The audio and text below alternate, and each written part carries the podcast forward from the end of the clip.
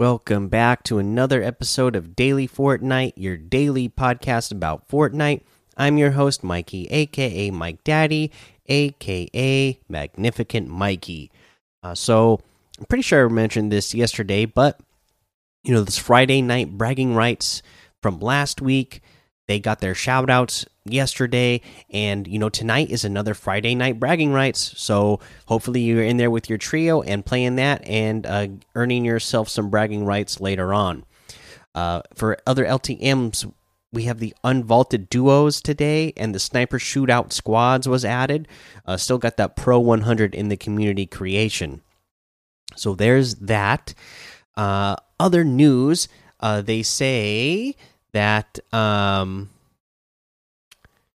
Okay, so a couple of things with the the Future War bundle yesterday. So the price for the Future War bundle was incorrect if you had purchased the Sarah Connor outfit before acquiring the bundle. The price difference will be automatically compensated for for affected players sometime next week. And then uh, we corrected an error on Fortnite.com that the T800 outfit included a built-in emote if you'd like a refund, you'll be able to make one using the in game flow. No refund token needed starting next week. Be on the lookout for an in game notification next week. So if you got that T800 outfit and you were expecting a built in emote, uh, and found out you didn't get one, they will let you go ahead and refund it without using a token for that. Uh, let's see here. Uh, for you EU players, again, the Pele Cup leaderboard for the EU players has been updated with accurate scoring, and the winners of the tournaments in EU have been granted their rewards. Uh, and then let's go ahead and talk about these challenge tips. Uh, let's see here. Uh, destroying apple and tomato produce box at the Orchard Farmers Market. Again, if you don't remember where the orchard is, it's on the very northeast end of the desert now. It's kind of like half in the desert, half not. Uh, so it's at the very edge there. That's where you're going to go to get that challenge done.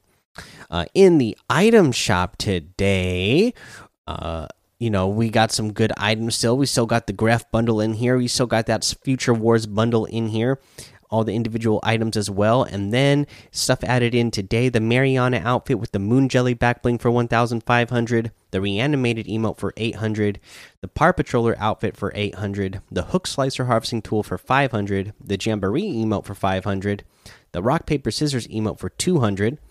You have the Toosie Slide back in here emote for 500, the Red Knight outfit with the Red Shield back bling for 2000 the Crimson Axe harvesting tool for 800, the Venturion outfit with the Venturion cape backbling for 1500, the Ventura outfit with the Ventura cape backbling for 1500, the Airfoil harvesting tool for 800, the Triumph glider for 500, and that looks like everything. So you can get any and all of these items using code Mike Daddy M M M I K E D A D D Y in the item shop, and some of the proceeds will go to help support the show.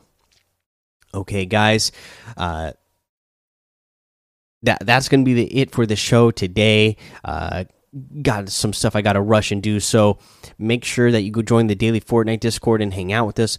Follow me over on Twitch, Twitter, and YouTube. It's Mike Daddy on all of those.